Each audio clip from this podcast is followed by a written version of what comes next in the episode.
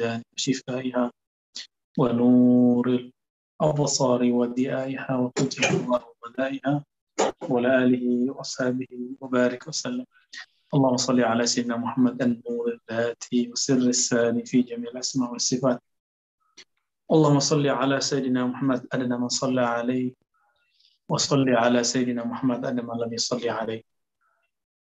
Baik teman-teman yang akan Allah, uh, Allah izinkan kita untuk bisa bermuajah meskipun dengan cara yang tidak lazim di zaman sebelumnya, uh, dengan wasilah Zoom ataupun apa pun namanya.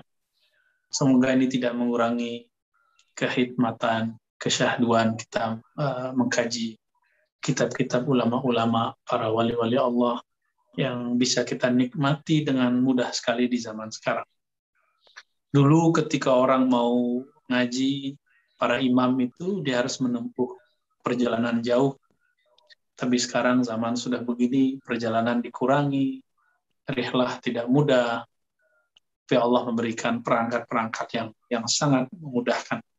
Jadi kita beruntung hidup di zaman sekarang, karena ilmu begini teman-teman tidak akan dibuka kecuali eh, biasanya kita datang ke guru kita. Nah, tapi dengan izin Allah kita ditakdirkan hidup di zaman sekarang dan Allah skenario namanya pandemi sehingga kajian dengan melalui online ini kemudian menjadi terbuka.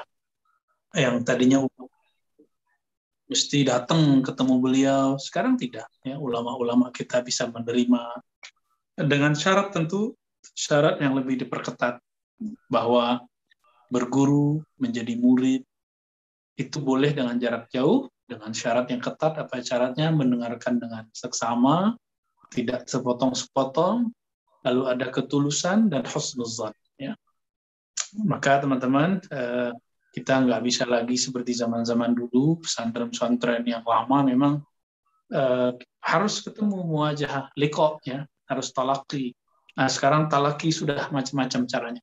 Semoga Allah uh, tetap memandang kita orang-orang yang man sami'a uh, maqalati, orang yang mendengarkan kalamku ya. Lalu uh, menghayatinya dan menyampaikannya sebagaimana uh, dia mendengarkannya. Ya. Untung Nabi dulu mengatakan sami'ah kalau di zaman dulu Samia mendengar berarti hadir. Untung Nabi tidak mengatakan syahida atau hadara, hadir atau jaa ya. Man jaa fasami'a maqalati. Nabi cuma mengatakan e, Allah beri cahaya siapa yang mendengarkan kalam. Nah, sekarang cara mendengarkan itu bisa yang langsung live, bisa yang record ya betul bagi saya ini salah satu mukjizat uh, Nabi Yuna Muhammad sallallahu alaihi wasallam maka kita katakan dari hati paling dalam jazallahu anka ya sayyidana ya Rasulullah fima jaza yakni nabiyan an ummati ya. Semoga Allah uh, uh, mengangkat beliau uh, beliau baginda Nabi SAW ke derajat maqam mahmuda dan kita berhak mendapatkan syafaatnya yang uzma amin ya rabbal alamin Amin. Dan teman-teman, syafaat itu tidak mungkin kecuali mengenal. Saya tidak akan membantu orang kecuali yang saya kenal.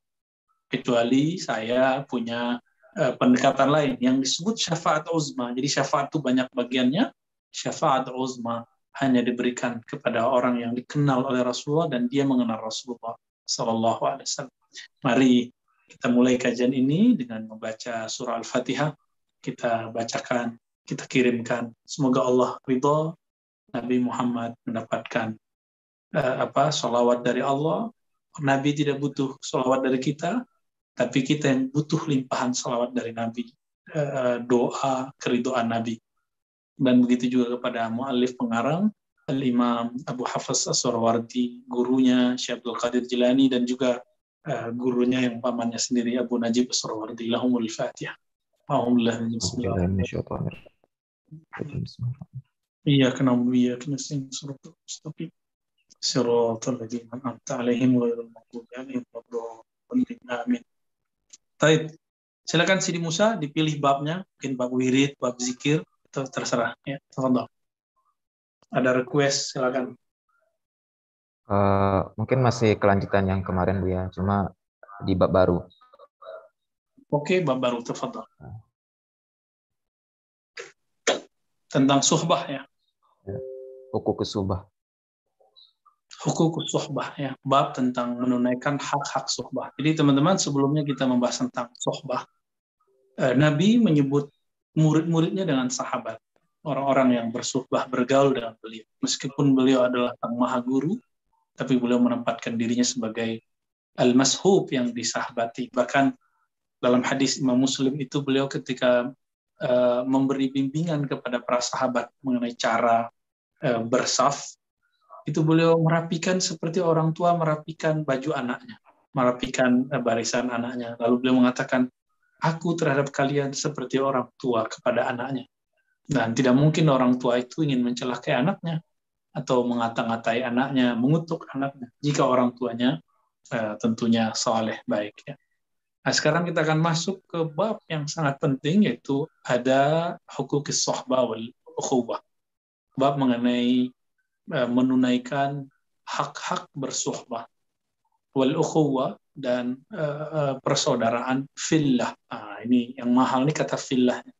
Teman-teman, tidak ada persahabatan, tidak ada perguruan, tidak ada pertemanan, persaudaraan yang kekal kecuali kita sandarkan kepada yang maha kekal Allah Subhanahu wa taala. Itu sebabnya jika persaudaraan kita dengan saudara eh, se seayah, seibu atau seibu ataupun hanya seayah itu berdasarkan persaudaraan biologis nanti akan akan bercerai-berai nanti di akhiratnya Nah, itu yang dikatakan dalam uh, beberapa surat dalam Al-Qur'an ya. Bahkan orang-orang yang sudah sudah akrab, sudah sangat cinta disebut akhilla tapi nanti mereka akan saling menghindar, ya.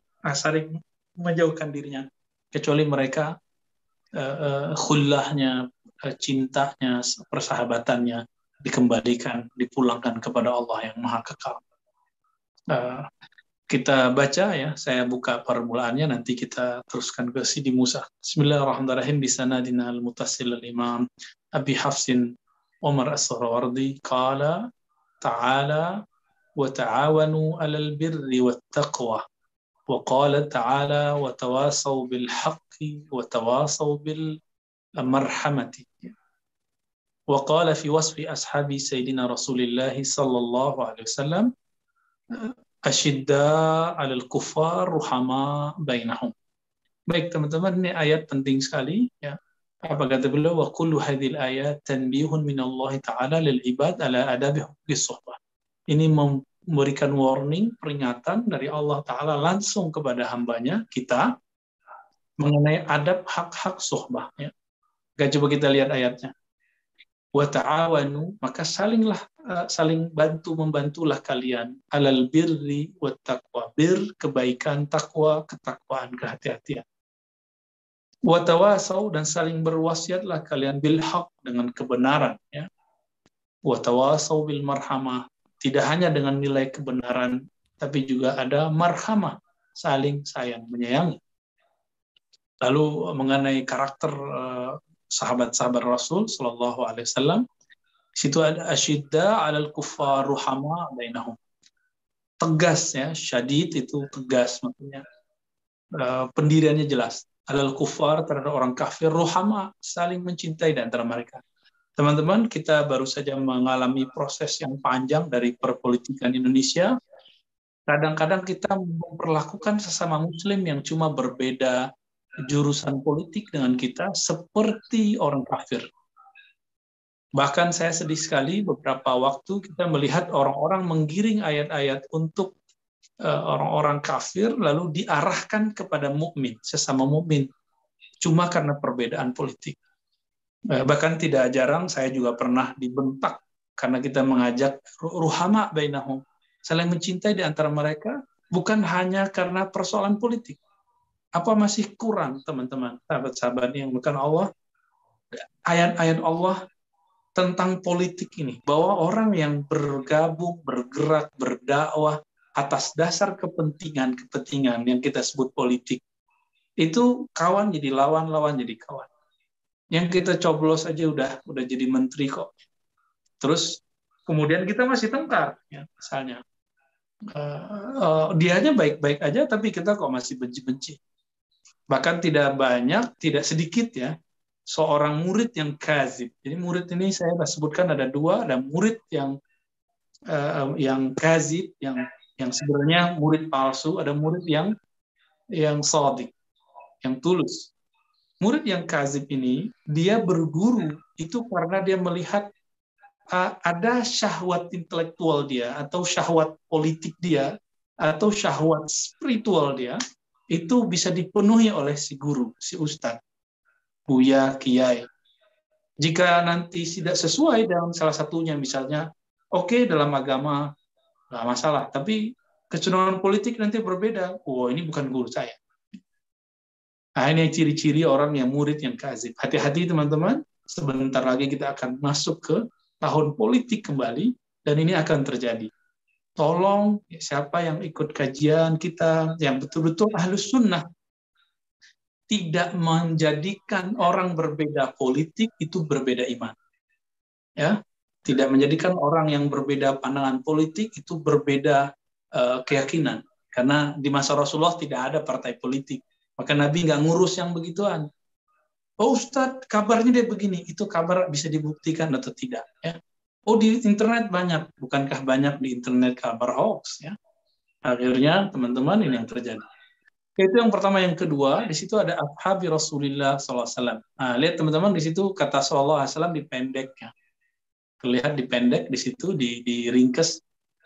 Ini banyak pertanyaan. Uh, ini bab sebenarnya bab tidak diatur di Quran, tidak ada di Sunnah. Ini bab ijtihad para ulama. Ulama kita ada yang memendek. Sallallahu alaihi wasallam itu menjadi sad mim atau salam. Sa lam ain mim. Bagi ahli hadis itu makruh. Tidak sampai derajat haram. Uh, kenapa ada ahli hadis nulis begitu? Karena mungkin keterbatasan kertas di zaman itu. Maka dipendek. Bahkan ada yang tidak menulis, tapi tetap dianjurkan membacanya di lisan. Jadi kalau ada orang kita lihat nih dia nulis uh, lalu dia pendek misalnya sallallahu alaihi Muhammad sallallahu alaihi wasallam itu dipendek SAW. Kita berhusnuzon kepadanya bahwa ia melafazkan di lisannya tapi ditulis di di kertas atau di sosial media hari ini dipendek. Apalagi misalnya teman-teman nulisnya di Facebook ya atau di yang terbatas itu di IG misalnya. Itu kita boleh memendek sebenarnya ya eh, dengan alasan eh, kita membacanya dengan lisan lalu meringkasnya untuk efektivitasnya.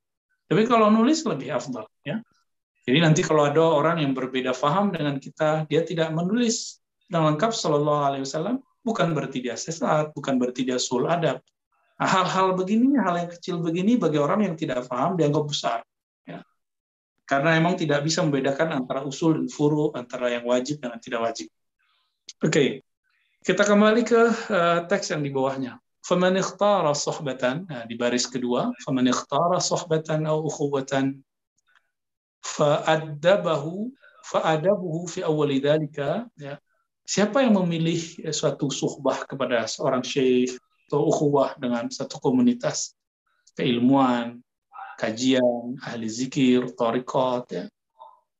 Fa'adabuhu fi awwali dhalika ayyuslima nafsahu wa sahibahu ila Allah bil mas'alati wa du'a wa tadarru. Ya.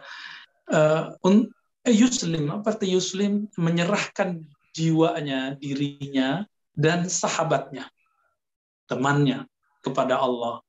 Bil mas'alah dengan mohon, ya, masalah itu meminta. Wa doa dan berdoa, wa tadarru kerendahan hati. Apa yang diminta juga wa yas'al barakata fi sohbah meminta supaya persahabatan dalam kajian ini, dalam komunitas ini keberkahan.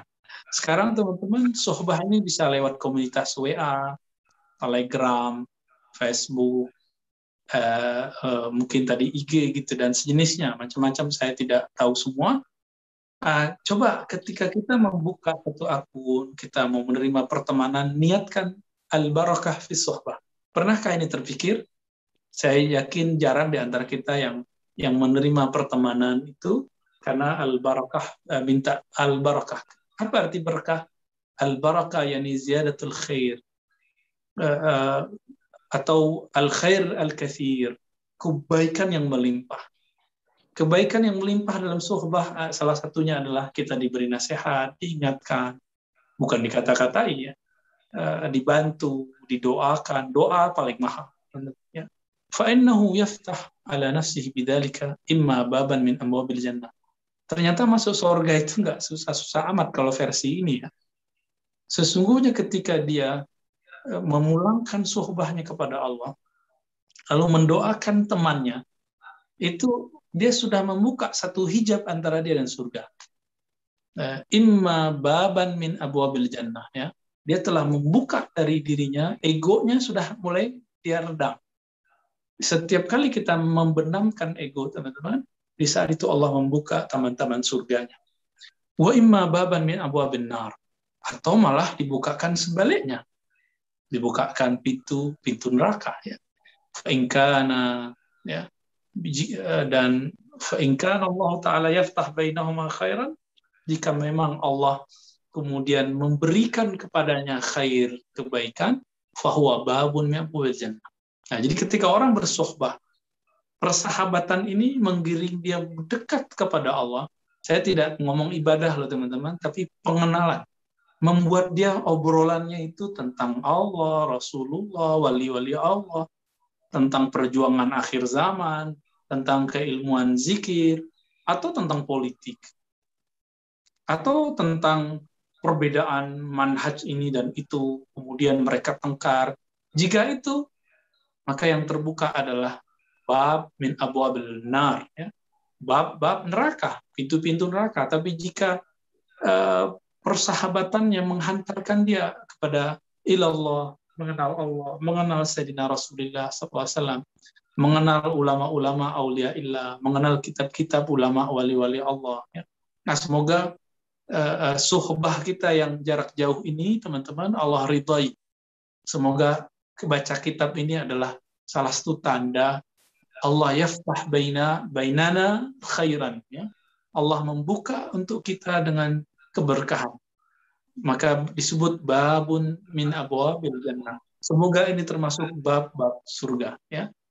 Nah, di dalam uh, teks tadi dikatakan al-akhilla yawma izin uh, orang-orang yang bersuhbah ya akhilla jamak dari khalil yang berteman ya yauma idin pada hari itu ba'duhum li ba'din adu. Uh, boleh di bold itu bagian teksnya Sidi Musa? Ya oke okay. bantu ya. Uh, tandain kursor aja ya bagus. Al akhilla uh, al akhilla ini teman-teman uh, yang melakukan Allah artinya orang yang berteman bersaudara yang menikah nah itu dia yauma izin pada hari itu yaitu hari akhirat ba'duhum li ba'din adu nanti akan saling bermusuhan. Orang bermusuhan itu karakternya apa? Jika tidak menghindar, saling menyalahi. Dua aja. Maka jangan heran nanti jika kita masuk ke alam mahsyar, padang mahsyar, nanti kita akan melihat orang yang dulu hidup berdua, atau berkelompok, atau berkomunitas. Nanti mereka saling menyalah-nyalahi sesama mereka. Uh, saling tuduh-menuduh, itu bukan saya. Saya disesatkan oleh dia saya nggak begitu. Saya, saya dijerumuskan oleh orang itu. Begitulah selalu. Illal muttaqin. Kecuali hamba-hamba Allah yang bertakwa. Nah, nah ini yang, yang minimal kita sebelum wafat kita sampai ke makom muttaqin. Ya, syukur-syukur sampai kepada makom aulia. Ya. Eh, makom-makom orang-orang yang uh, siddiqin, ya syuhada salihin. Oke.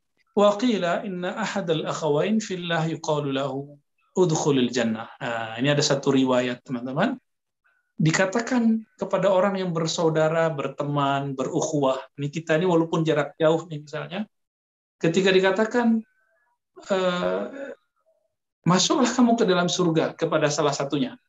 Fayas ala manzali akhi. Dia belum langsung masuk ke surga. Jadi orang yang yang cintanya kepada saudaranya karena Allah fillah bahkan di dalam hembusan cintanya Allah itu dia ketika ditawarkan masuk surga dia nggak ingat dirinya yang dia ingat siapa ya Rob aina akhi saudaraku di mana ya Allah? Fa in kana dunahu lam. Kalau di bawah dia, dia nggak mau masuk surga. Tapi di riwayat Imam Bukhari Muslim itu ada yang dia sudah masuk surga dulu. Berarti dia bersaudaranya baru lillah. Jadi ukhuwah itu ada ukhuwah fillah, ada ukhuwah lillah. Ada ukhuwah fillah, ini sudah langsung permanen.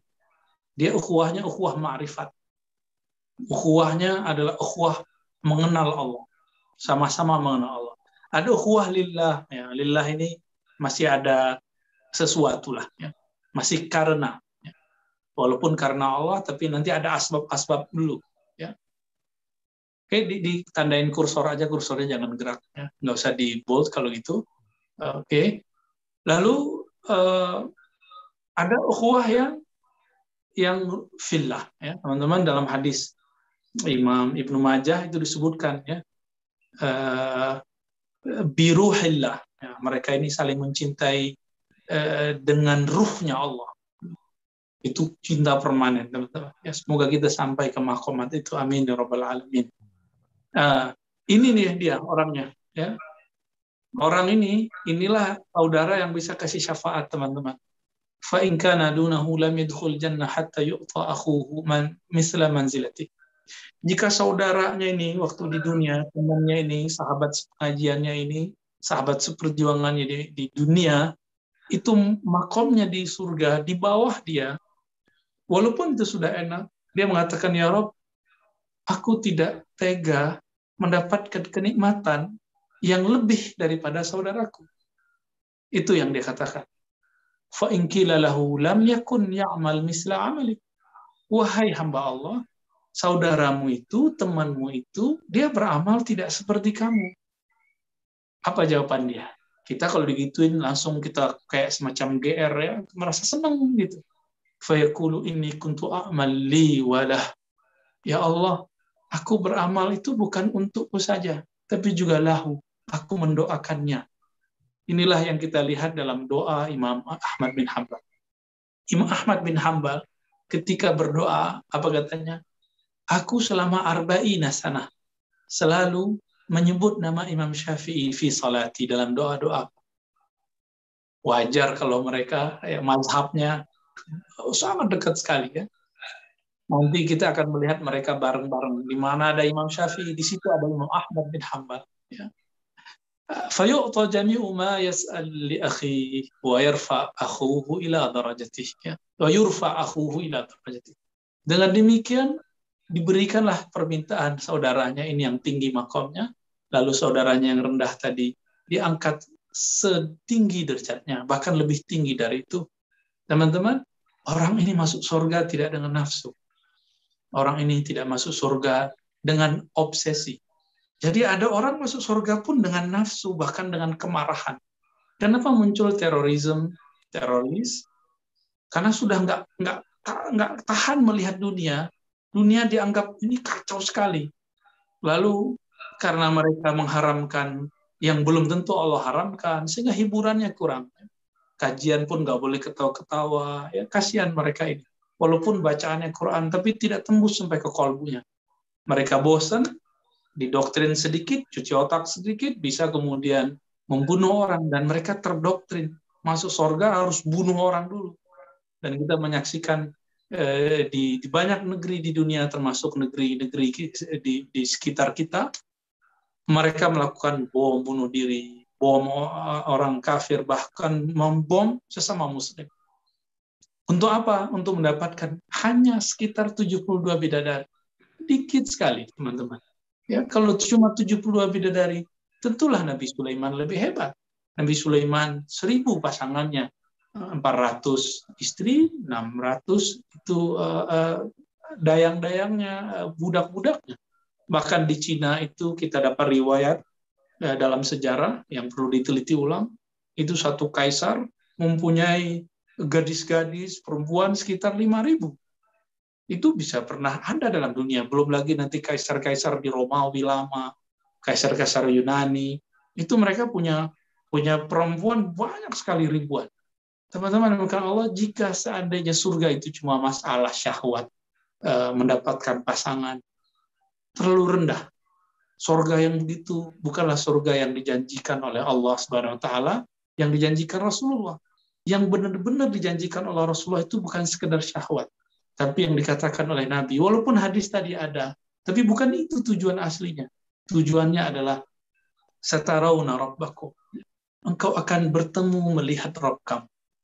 Ya. Maka dikatakan dalam hadis itu seperti rembulan eh, bulan purnama tanpa ada awan, matahari tanpa ada awan. Begitu jelasnya. Dan yang dapat bagian itu teman-teman cuma orang yang di surga Firdaus. Dan surga Firdaus kita sudah lihat di surah Al-Mu'minun. Ya, ciri-ciri mereka sudah ada. Dan di situ tidak ada membunuh sembarangan itu tidak ada.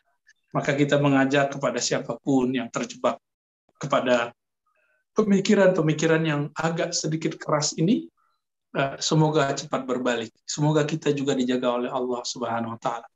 Taib wa in fatahallahu alaihim bis syarran fahuwa babun min abwabin nar. Jika uh, orang bersuhbah, bersahabat, berteman, ternyata yang terjadi adalah bertambah keburukan, ngomongin orang, nyalah-nyalain orang. Itu satu versi.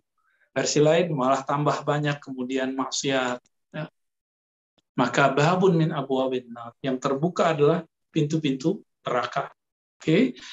Qala Allah tabaraka wa ta'ala wa yawma uh, ya يعض يعض الظالم على يديه يقول يا ليتني اتخذت مع الرسول سبيلا يا ويلتا ليتني لم اتخذ فلانا خليلا begitu di dalam Al-Qur'an diabadikan bahwa orang-orang yang zalim ya, mereka uh, mengatakan seandainya kami masih bisa punya akses bertemu Rasul mengenal Rasul, mendapatkan syafaat Rasul.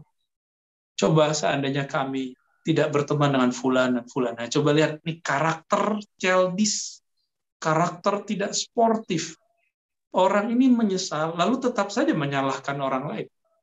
Lihat eh, baginda Nabi Yuna Adam alaihissalam. Saya sudah cerita sebelumnya, ketika beliau digoda oleh oleh oleh Azazil, Sayyidina Adam Allah usir dari dari surga. Ketika sampai di bumi, apa lafaz yang ia baca? Rabbana zalamna. Ya Rabb, kami zalim. Beliau tidak menyalahkan iblis. Walaupun iblislah yang menjerumuskan beliau. Tapi karakter-karakter orang-orang yang childish, orang-orang yang tidak sportif, ketika dia salah, dia nggak ngaku salah. Ya, ini karakter ini muncul teman-teman ya. Ya Allah, uh, coba eh saya disesat karena disesatkan sebulan. Nah ini karakter mereka. Hati-hati dengan teman-teman begini. Hati-hati dengan sufah begini. Mending tidak punya teman orang-orang yang begini. Ya. Wa ayat قد وردت في قصة مشهورة ولكن الله نبه بذلك عباده على الحذر من كل خليل يقطع عن الله. Meskipun kisah di dalam asbabun nuzul ayat ini Eh, eh, hanya kepada kisah tertentu, tetapi Allah sebenarnya mewarning untuk semuanya. Ya. Ini yang disebut dalam usul fikih uh, hukum atau ibrah itu tidak hanya dengan khusus sebab dengan asbabun nuzul, tapi dengan umum, ya, dengan keumuman ibarah atau lafaznya. Ya.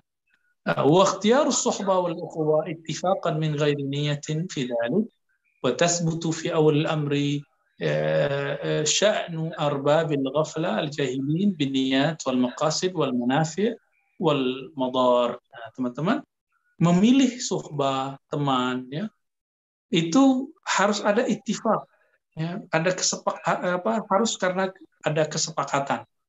Jadi kenapa terjadi uh, orang berteman? Itu karena ada ittifaq kesepakatan kesesuaian kemiripan ya. Min ghairi niatin fi dhalik, ya. Uh, tanpa niat mengenai hal itu ya, lalu kemudian wa tasbutu fi awal amri sya'nu arbabil ghafala biniat wal maqasid. Ketika orang yang yang lalai bantu di uh, mut uh, Sidi Musa yang lain? Ya fi awal amri sya'nu arbabil ghafala al jahilin ya orang-orang yang apa ghaflah, kalbunya lalai, ya, orang-orang yang eh, jahil, yang, yang tidak mengenal Allah, itu ketika bersuhbah tujuannya. Eh, dulu ada seorang tokoh eh, ahli zikir, ahli ceramah, itu dideketin pengusaha supaya dapat nanti semacam testimoni. Jadi ada oh, murid datang minta testimoni. Ada murid datang supaya dagangannya laku. Ada murid datang nanti untuk menjadikan si ustadznya menjadi artisnya dia. Itu begitu. Bin niyat wal maqasid. Dengan banyak niat. Ada yang nanti untuk memberikan semacam apa, support doa politik. Begitu macam-macam abna dunia. Jadi abna dunia, pencinta-pencinta dunia ini kadang-kadang bisa bersorban, bisa bergamis, bisa bersarung, kalau kita tidak memandang kolbunya, nanti kita akan uh, terkecoh. Ya. Akhirnya apa yang terjadi? Uh, ya si ustadz akhirnya ikut terlibat dalam hal itu, ya ikut jualan. Apakah halal? Halal.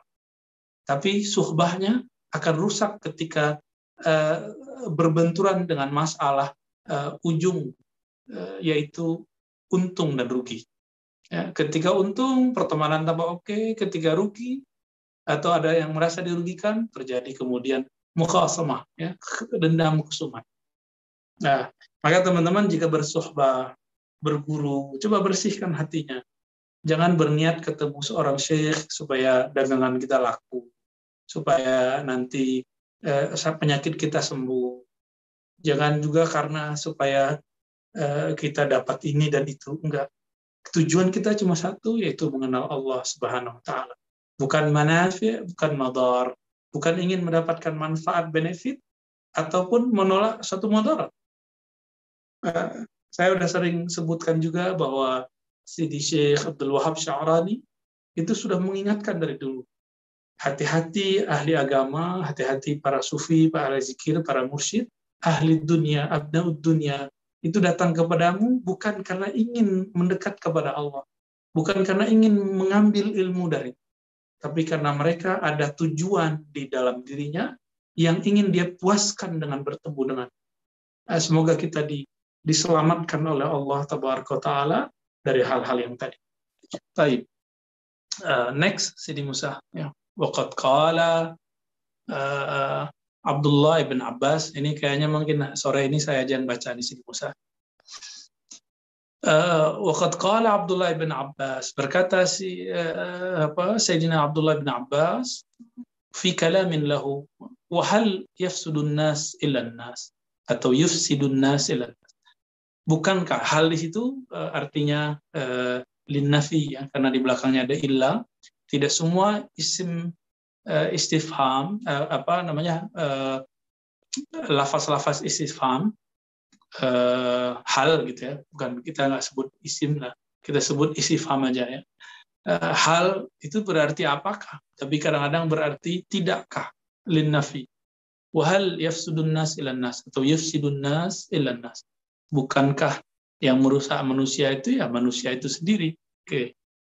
Lalu kemudian fal fasad bis sohbah mutawaqqi was salah mutawaqqi orang yang rusak karena bersohbah banyak dan yang benar dengan soba juga banyak.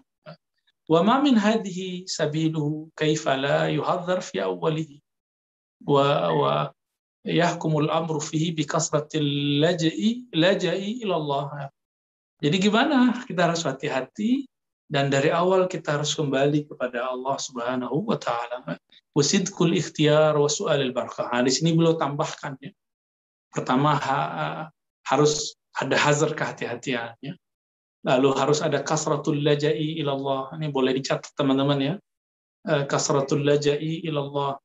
Banyak uh, mengadunya kepada Allah. Jadi ini ini teman-teman, pernahkah mendoakan teman-teman kita? Pernahkah mendoakan teman-teman yang ikut ngaji di satu komunitas kita? Contoh, sebagai contoh aja, teman-teman di kajian riba, baik online ataupun offline. Pernahkah mendoakan sahabat kita Pernahkah mendoakan, kalau guru mungkin sering kirimin fatihah, tapi pernahkah mendoakan teman kita yang ini, yang itu? Jika pernah, maka sudah ada di situ Allah jauh ilallah. Ya.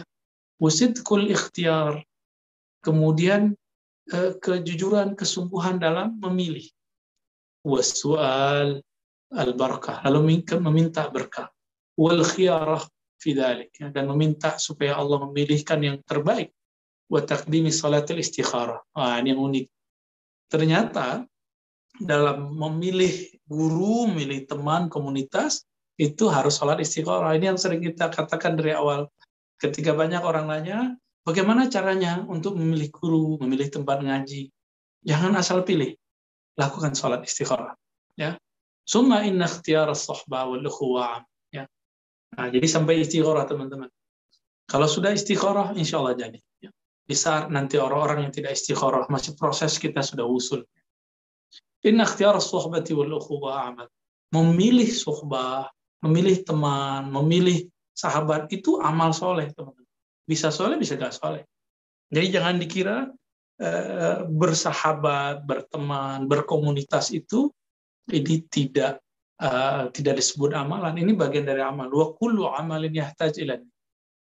Nah, ini istimbatnya bagus nih ya pengolahan penggiringan dalilnya oke. Okay. Setiap amal membutuhkan niat. Nah, Nabi kan mengatakan ini amal amalu bin niat. Amal itu mesti dengan niat. Karena bersuhbah bagi dari amal, maka dia harus ada niatnya. Wa ila khatimah. Dan kita harus punya misi, visi ke depan untuk mendapatkan husnul khatimah. Nah, teman-teman, Pernahkah kita memperbaharui suhbah kita kepada seorang guru, ukhuwah kita kepada seorang sahabat, teman, eh, dengan niat yang baik. Bukan karena ada ingin sesuatu. Ya.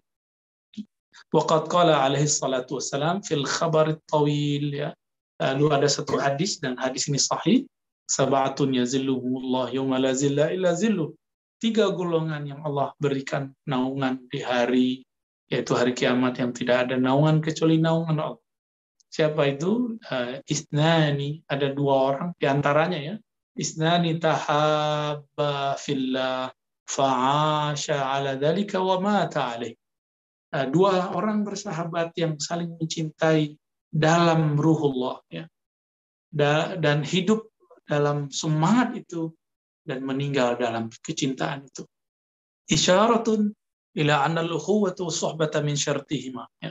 Ini merupakan ukhuwah dan suhbah yang syarat keduanya uh, ujungnya adalah husnul khatimah hatta yaktuba lahuma sawabal muakhah.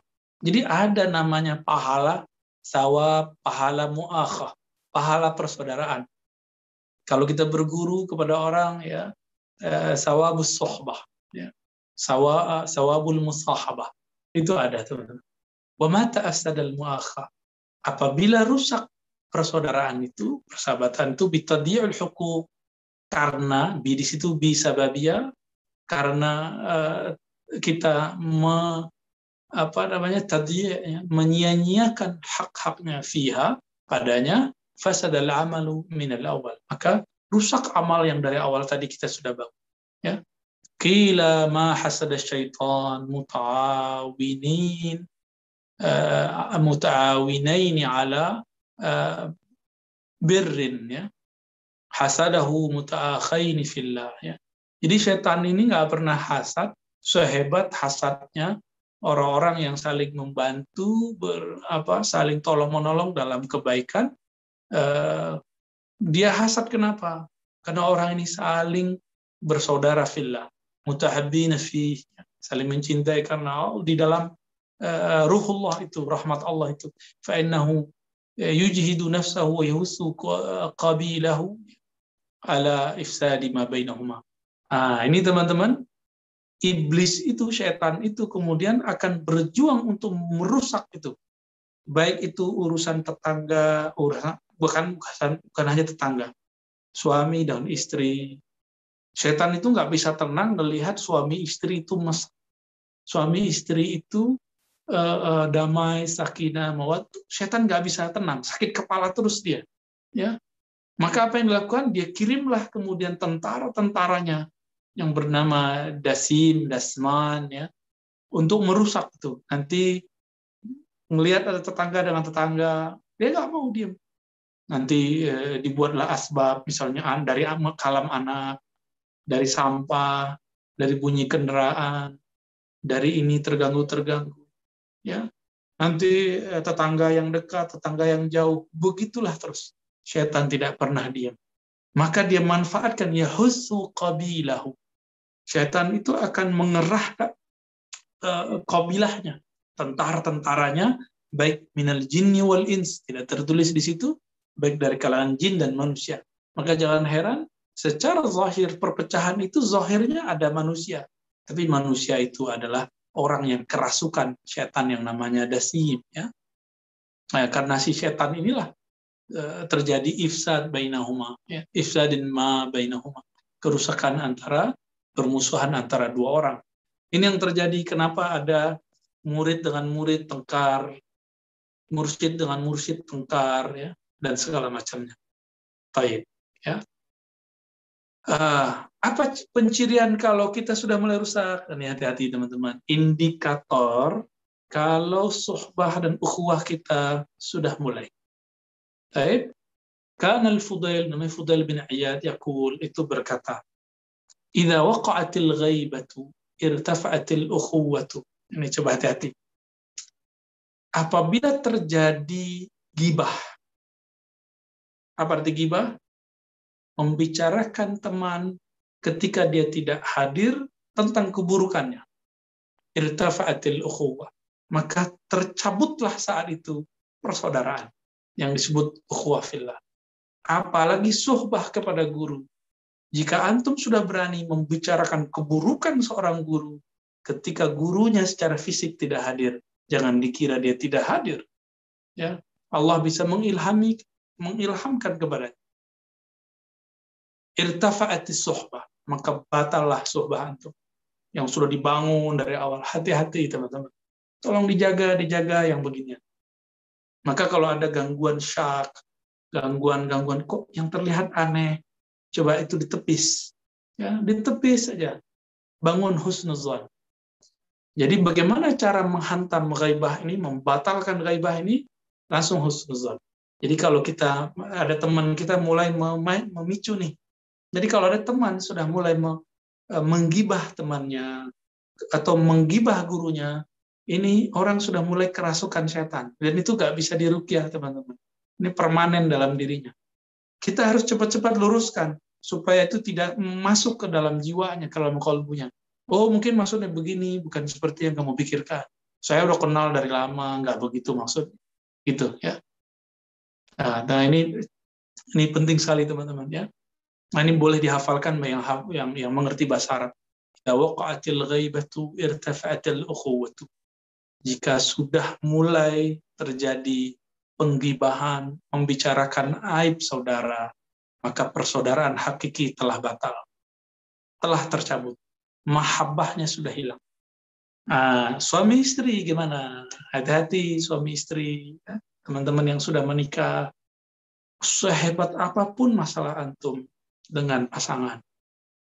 Kalau bukan kepada orang yang sadik, wali Allah kah itu ya, nggak usah cerita.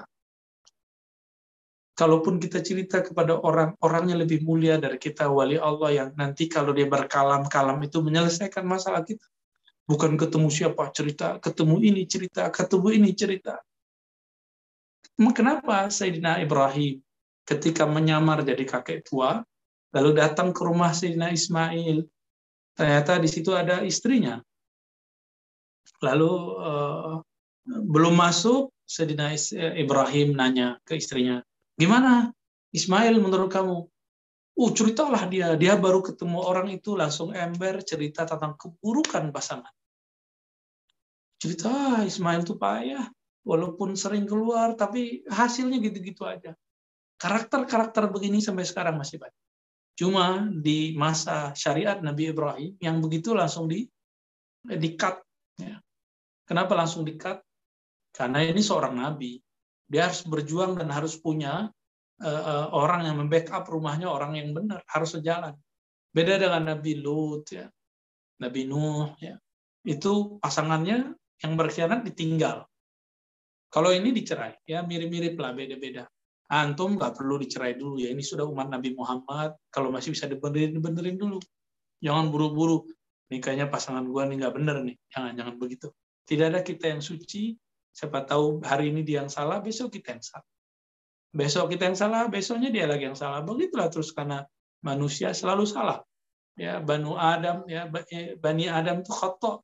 Kullu Bani Adam khata. Khata'un. Setiap anak manusia itu selalu ada salahnya. Jadi jangan lupa, jangan langsung mengklaim. Beda dengan Nabi Ismail, Nabi Ibrahim, itu Nabi maksum. Ya, apa kata Nabi eh, eh, Ibrahim? Memberikan isyarat kepada Nabi Ismail, nanti sampaikan, begitu kata Nabi Ibrahim kepada istrinya Nabi Ismail. Sampaikan ke suamimu supaya mengganti pasak pintu. Berarti pasaknya sudah lepas. Ya. Istri itu pasaknya suami. Ya, eh, pintu rahasianya suami. Jika dia sudah mulai membuka rahasianya, maka dia sudah mulai mengkhianatinya. Nah, jika pernah terjadi bertobat kepada Allah, kembali. Allah maha menerima tobat. Ya. Nah, suami kalau ada pasangan begitu, istri kalau ada pasangannya begitu, jangan langsung menjudge karena kita bukan nabi. Nah, kita masih bisa salah ke depan. Taib. Jadi jangan pernah masalah kita keluar dari pintu rumah. Semoga Allah menutupi ayub ayub kita semua, teman-teman. Amin. Wal ukhwah fillah ta'ala muwajahatun Qala ta'ala ikhwanan ala sururin mutaqabilin. Jadi di surga nanti orang-orang yang bersaudara itu di dunia itu mereka di atas taman di atas dipan-dipan di atas ranjang-ranjang, di atas kursi-kursi mutaqabilin, saling hadap-hadapan seperti kita bertamu ke taman baik kita ya. Kita ditemuinnya berhadap-hadapan ngomong dari hati ke hati. Wa mata atmara ahaduhuma lil akhar su'an aw kariha minhu syai'an. Lam yunabbihu alaihi hatta yuzilahu wa yatasabbaba ila izalati minhu fama wajahu bal istadbarahu. Ini saya terjemahkan secara umum saja biar gampang.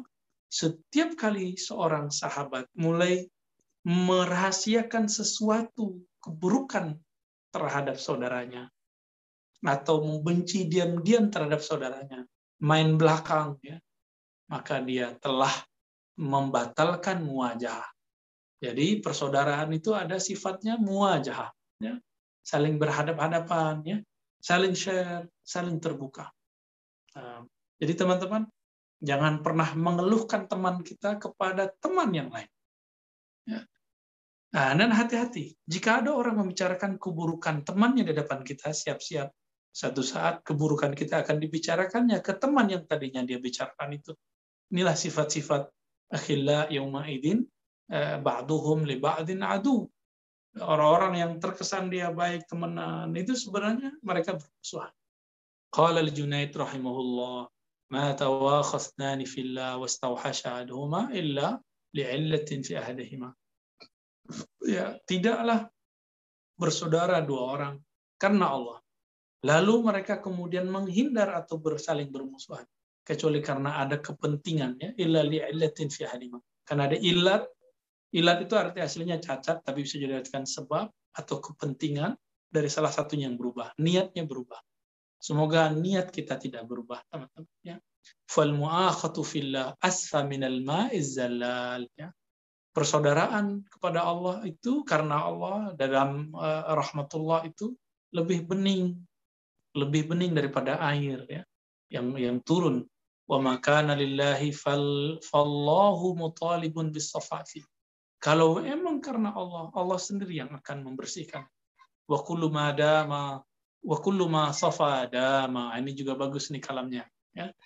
Wa kullu ma safa dama. Segala satu yang tulus pasti akan langgeng. Silakan ini dipegang teman-teman. Ini sudah dapat dua mahfuzat kita ya.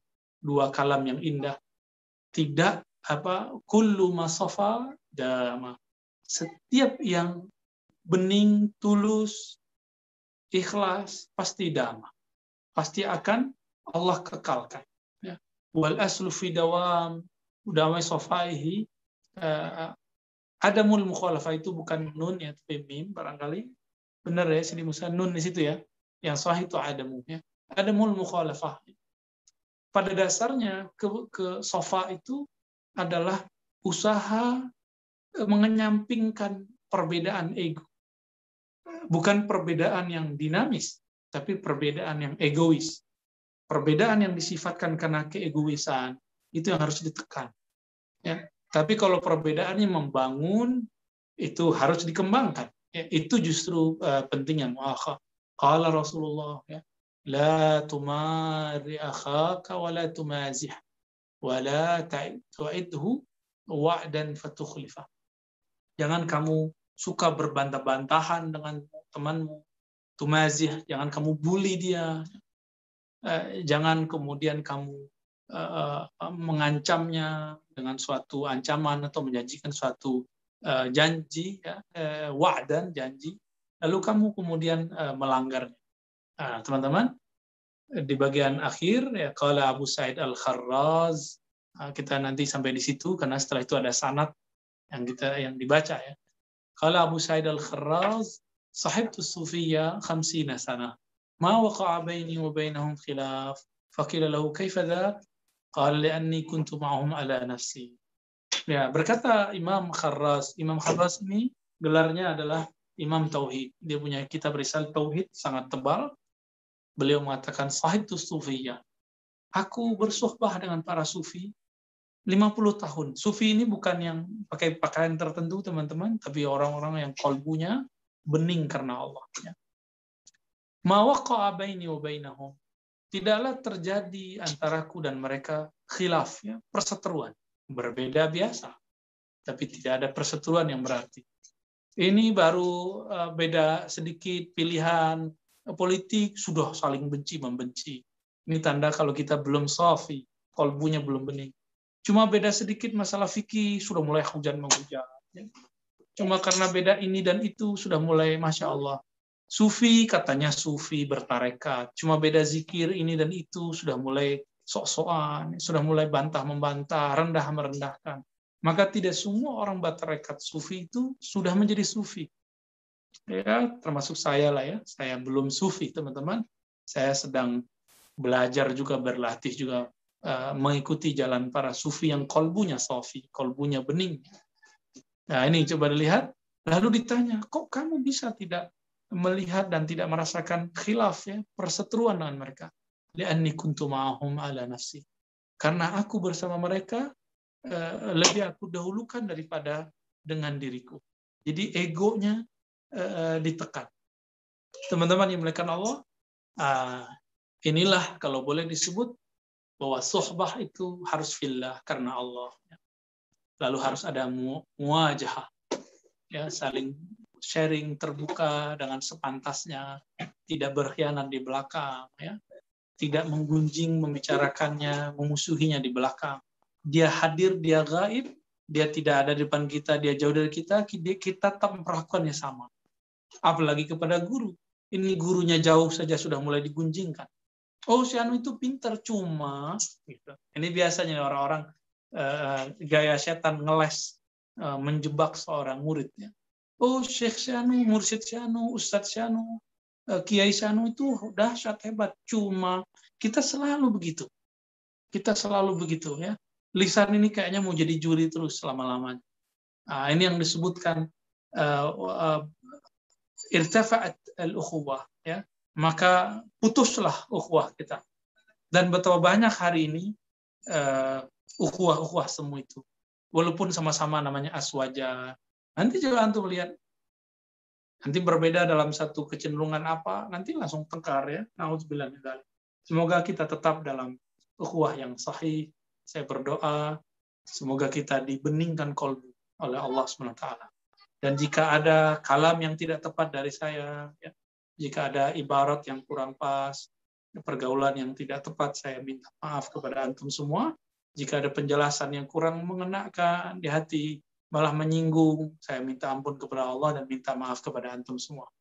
Kita saling mendoakan, semoga eh, walaupun jarak eh, membuat kita eh, tidak bertemu, semoga Allah hati ruh kita tetap bertemu dalam cinta kasih dalam rahmatullah taala. Taib, saya kembalikan ke Sidi Musa. Mungkin ada waktu 10 menit Sidi Musa. Ah, baik, ya. Kita langsung tanya jawab ya. Iya, Bang. Baik. Ada banyak pertanyaan yang masuk ya. Mungkin saya pilih dulu. Eh,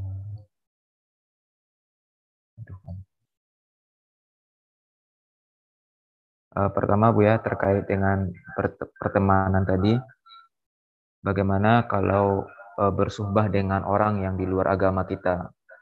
Uh, karena dibandingkan dengan sesama Muslim, kadang lebih mendekatkan kita kepada Allah dengan orang orang yang di luar Muslim uh, kebanding dengan orang yang di luar Islam. Uh, bagaimana tuh ya? Oh, apa ini? tahu ya. Baik, uh, dengan selain Muslim, jangankan selain Muslim, sesama Muslim pun jika belum sampai tahapan mahabbah fillah, disebut hanya muasyarah. Muasyarah. Ya. Dan itu ada adabnya di surah Mumtahana 8, 9, 10 itu diatur ya. Eh, bahwa Allah tidak mempermasalahkan la ya.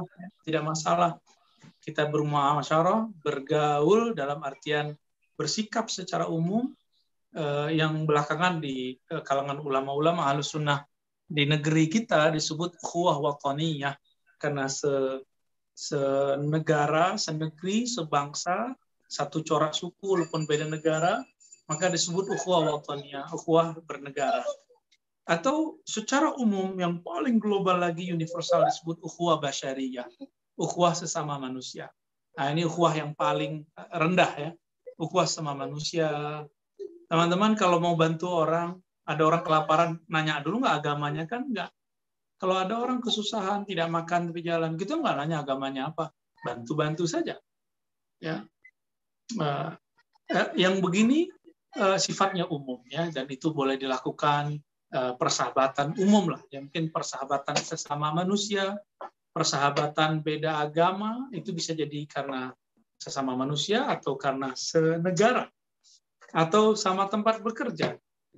Nah, itu paling basic. Nah, nanti naik ada sohbah uh, bersahabat berukhuwah karena sesama bersyahadat, tapi belum tentu sesama toriko, sesama manhaj, ya dan lain-lain. Jadi tetap harus dijaga. Ya, silakan nanti buka surat al-mumtahanah itu. Tafadhal. Baik, ya. Berikutnya Bu ya terkait dengan uh, kita mendatangi ulama, mengunjungi ulama untuk meminta didoakan atau meminta diberikan amalia tertentu agar dimudahkan hajat kita. Itu bagaimana dalam hal adabnya itu? Apakah keliru dan bagaimana semestinya? Itu untuk orang awam sudah sangat soleh. Tapi untuk murid yang sodik itu belum soleh. Untuk orang awam betul datang ke guru kiai minta doa masih masih bagus karena dia datang. Ya. Dia datang saja sudah baik. Tapi ada yang belagu, yang sombong. Ini hati-hati teman-teman, antum diberikan kekayaan, jabatan oleh Allah, jangan coba-coba membeli harga diri ulama. Ya, ulamanya diundang lewat wakil, dikirim sopir, diundang. Itu antum merendahkan mereka. Kalau antum kaya, kaya kan fisik, kaya materi. Belum tentu kaya rohani. Mereka itu ma'allahil ghani, bersama Allah yang maha kaya. Ya. Mereka nggak akan tertarik dengan kekayaan kita. Kadang-kadang ada orang kaya, uh, kayak bisa beli guru ngaji, ya, ya. Akhirnya uh, nggak mau bikin pesantren dengan diserahkan ke ulama. Dia bikin-bikin sendiri, dikira pesantren itu bangunan Akhirnya apa yang terjadi? Uh, gelabakan. Ntar gurunya nggak betah, ganti lagi, ganti lagi. Dia ingin menggaji kiai. Ya Rob, kiai itu nggak pernah digaji oleh seorang kaya pun. Kiai itu digaji langsung oleh Allah Subhanahu Wa Taala. Ya. Jadi orang-orang yang kaya, teman-teman, kalau antum punya kelebihan harta, nggak usah suuzon maulam. Ada tanah wakaf kasih.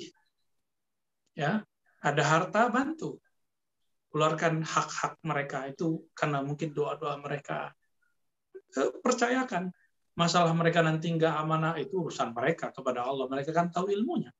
Masa antum uh, mencurigai mereka ya kan? Ilmunya lebih bagus daripada kita. Nah kalau tadi sudah datang ke ulama untuk ukuran orang soleh sudah bagus. Sudah menjadi muqaddimah li sohbah awal dari sohbah lama-lama kalau sering minta doa minta ini supaya haja lama-lama kan jadi ingin ngaji. Yang benar itu ke ulama ngaji, bukan hanya minta doa supaya hajat di, dikabulkan oleh Allah SWT. Seandainya hajat nggak dikabulkan, masih datang ke ulama nggak? Ya, matre namanya ya.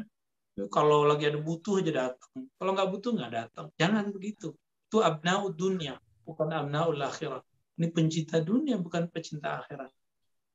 Kira-kira begitu teman-teman ya. Wallahu a'lam bishawab. Nah, baik Bu ya. Uh, selanjutnya tentang membicarakan guru tadi Bu ya. Bagaimana kalau sudah kadung terlanjur membicarakan guru, bagaimana cara tobatnya sedangkan belum sempat minta maaf guru tersebut sudah uh, dahulu wafat. Hmm. Atau mungkin termasuk yang belum wafat juga bagaimana? Iya, guru itu kalau wali nggak pernah mati. Ruhnya, tubuhnya mati, nasnya mati, kullu nafsin dha'iqatul maut. Setiap jiwa pasti mati. Nabi betul nafsnya Nabi mati, tapi ruhnya Nabi kan tidak mati. Ini yang dikatakan dalam Al-Qur'an. Mereka justru hidup dan hidupannya lebih tinggi yaitu inda rabbihim di sisi Allah. Bagaimana kalau sudah terlanjur? Ya tobat, minta ampun kepada Allah, sholat dua rakaat, kirim fatihah. Kalau dekat bisa dikunjungi, diziarahi, ziarah. Or, uh, karena mereka hidup, kita ziarah pasti mereka tahu. Jangankan mereka yang yang yang wali-wali Allah itu orang kafir saja. Nabi kalau lewat ke kuburan orang kafir, Nabi malah nyapa mereka. Hei fulan, hei fulan, apakah kalian sudah menemukan janji Tuhan kalian?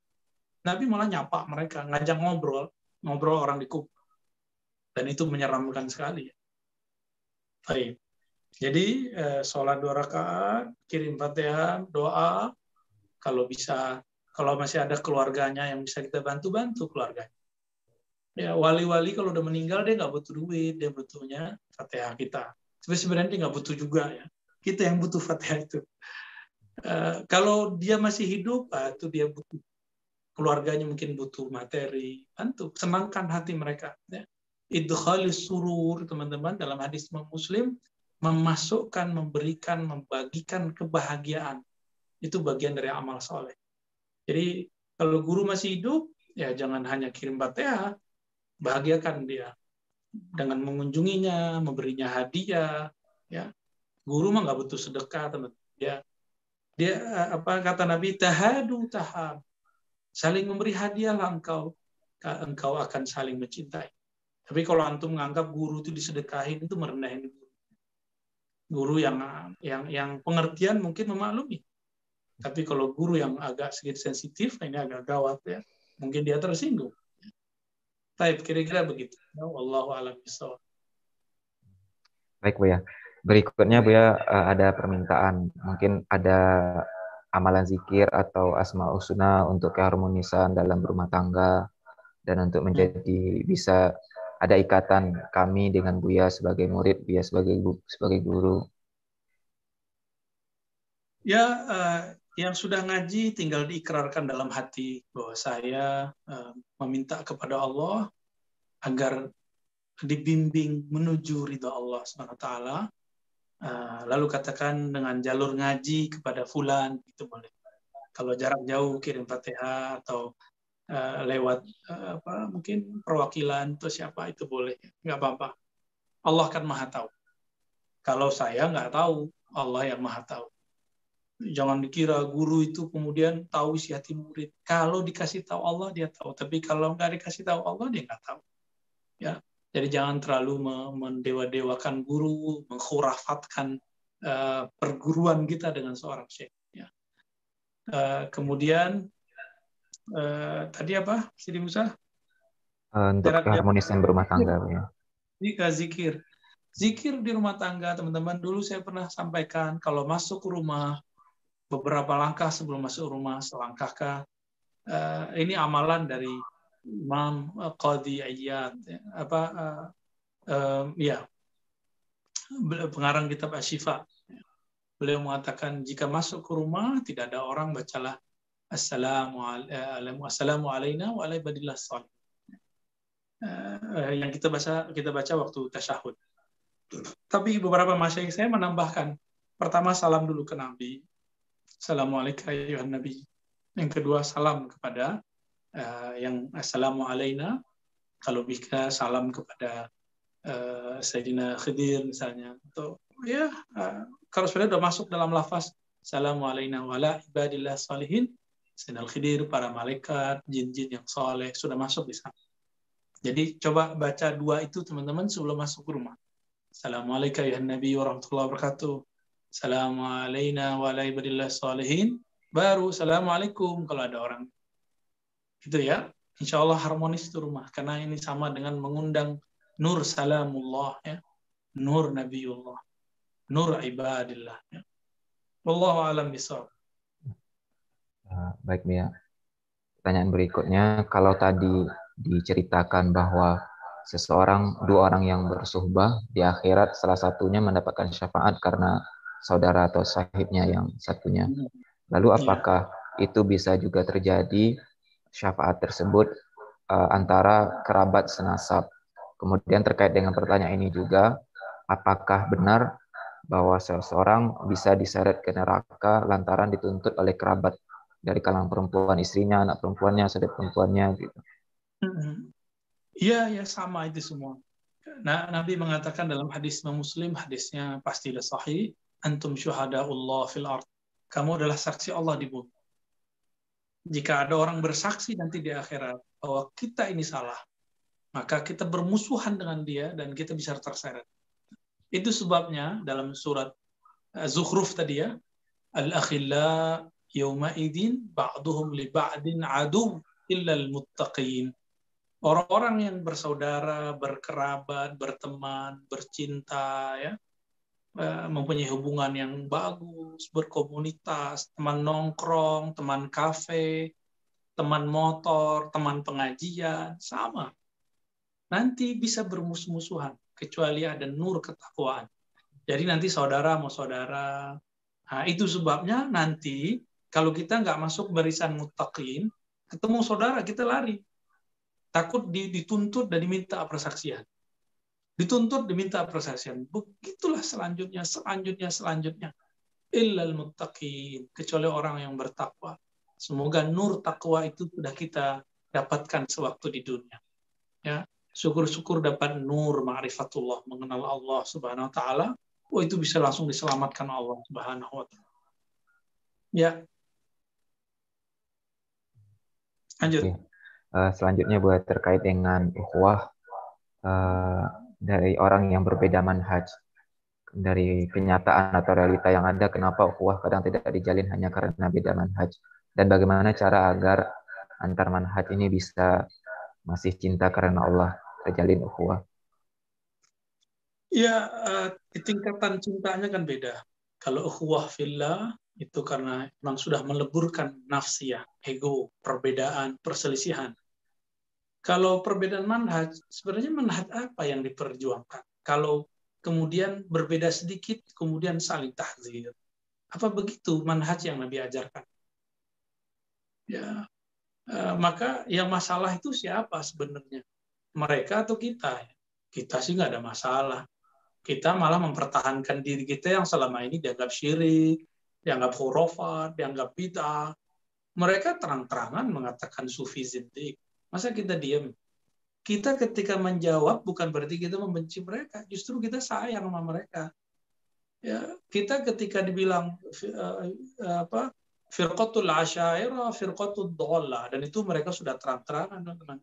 Orang yang ikut asyari, firqah asyariyah, itu firqah yang dhallah. Sesat bahkan disebut jahmiyah. Tanda mereka nggak ngerti beda asyariyah dengan jahmiyah. Terus yang lebih parah lagi apa? Ya, bermazhab itu haram, nggak boleh. Ya salam. Ya. Nanti turun ya, turun. Dan kita sudah dengar di di salah satu wilayah di Sumatera ada seorang ustadz mengatakan NU Muhammadiyah sesat, jemaah tabligh sesat. Eh, jadi yang yang ngajak bermusuhan siapa sebenarnya? Ya.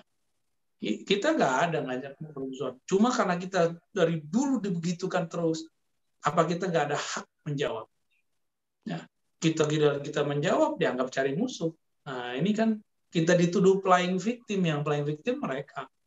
Jadi teman-teman, saya sudah katakan dari awal, kita kalau merot eh, memberikan hak jawab itu untuk memperkuat diri kita, kelompok kita, uh, manhaj kita manhaj yang yang yang sangat tasamu ini manhaj yang menebar cinta kasih jadi kalau antum lihat saya mengkritisi satu kelompok saya mengkritisi bukan membenci kita tidak ada niat membenci dan kita tidak mau naruh satu kebencian dalam diri kita ya. kecuali Allah suruh membencinya Cukuplah Allah yang mengatakan itu. Tabat syada abila habi wa tabba. Ya. Cukuplah Allah mengatakan itu. Ya. Dan jangan menabulahabkan orang yang, yang masih seagama dengan kita. Nauzubillah semua nauzubillah. Jadi eh, tetap kita doakan. Makanya teman-teman jangan saya mengatakan berkali-kali jangan membalas hujatan mereka dengan hujatan. Walaupun saya dihujat, saya diancam, nggak masalah biarin aja. Kalau mau balas, balas dengan kesantunan. Kenapa? Sibabul muslim fusuk. Mencaci maki sesama muslim itu fasik. Masalahnya mereka tidak menganggap kita muslim lagi. Maka mencaci kita dianggap tidak masalah bagi mereka. Nauzubillah sama nauzubillah. Ya, Allah wa alam bisawab. Masih ada Sidi Musa? Satu oh, lagi. Ini banyak sekali pertanyaannya, Bu ya. Kan oh, tiga, tiga uh, langsung uh, mungkin yang terkait dengan tema ini aja, Bu ya. Ya, boleh. Uh, bagaimana sikap uh, ketika menemukan uh, guru kita salah menjelaskan dan kita tahu bagaimana yang benar. Nah, bagaimana cara mengatakannya jika di depan orang ramai atau bukan di depan orang ramai pun sekalipun bagaimana itu ya? Kalau gurunya awali Allah, itu cukup dengan batin. Tapi kalau gurunya cuma ahli syariat, ahli zahir, jangan mengkritisinya di depan. Kecuali memang sudah perlu dijelaskan di depan. Atau jangan-jangan kita yang salah paham. Ya. Jadi banyak orang yang dia salah paham. Kekuatan nahu sorof dia baru level di bawah jurumia, sudah berani mengkritisi orang yang sudah level alfiah di atas alfiah sebenarnya kan ada lagi sebenarnya. Ada ada banyak ya. Nanti kalau ke atas dirujukan ada nahu basroh, nahu kufah dan itu masya Allah teman-teman. Bahrun ya, la sahilalah. Ya, apalagi penjelasan tentang satu definisi. Kodok kodar aja, beda ulama udah beda definisi. Ya, apa fokoroh masakin antara Imam Malik dengan Syafi'i sudah sudah kebalik-balik dalam menjelaskannya. Bukan berarti salah satunya salah, salah satunya benar. Ya. Kalau tidak suka, ya berhenti aja berguru sama beliau-beliau itu. Ya. Itu aja. Jadi daripada jadi beban dalam pikiran. Tapi kalau saya punya adab, adab saya adalah barangkali saya yang salah paham atau saya salah dengar. Itu adab saya. Wallahu a'lam bishawab. Bisa satu lagi Bu ya? Coba tahu, coba tahu ya. Nah, ini bagaimana membedakan antara bermanfaat dan dimanfaatkan dalam bersuhbah? Ada pertanyaan seperti ini ya. Jadi kita lebih baik tidak tahu kita dimanfaatkan atau uh, diapain gitu ya. Mending kita nggak mengerti hal itu dan kita tulus saja. Orang-orang yang tulus ini Allah selamatkan.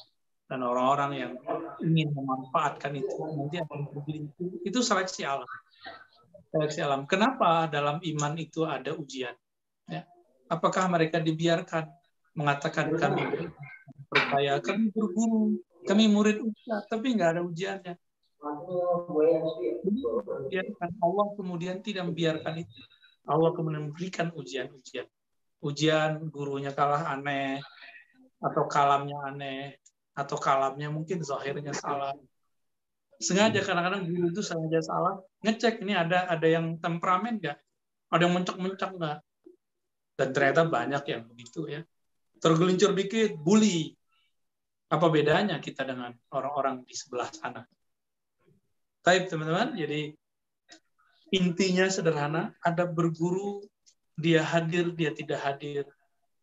Kita beradab sama dia hidup, dia mati, adab kita sama.